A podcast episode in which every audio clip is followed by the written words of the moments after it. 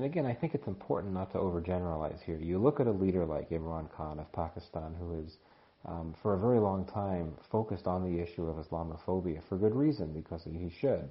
Uh, and his, um, not only did his UN address this year focus on Islamophobia, his, his address last year did as well. It clearly is a major issue for him that he wants to put on global agendas and he wants um, featured in uh, on the global stage, which makes which makes a lot of sense.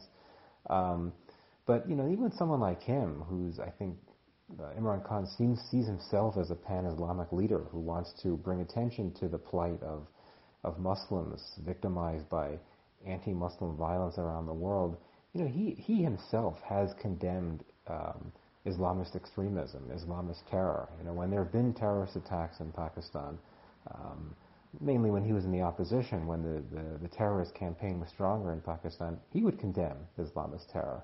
Not as much as some people would like, for sure, but he did it. So I think it's important to take a, a nuanced look at this. Just because Imran Khan is the one that's focusing on Islamophobia does not mean that he's going to ignore cases of, of Muslims themselves staging attacks and um, perpetrating terror.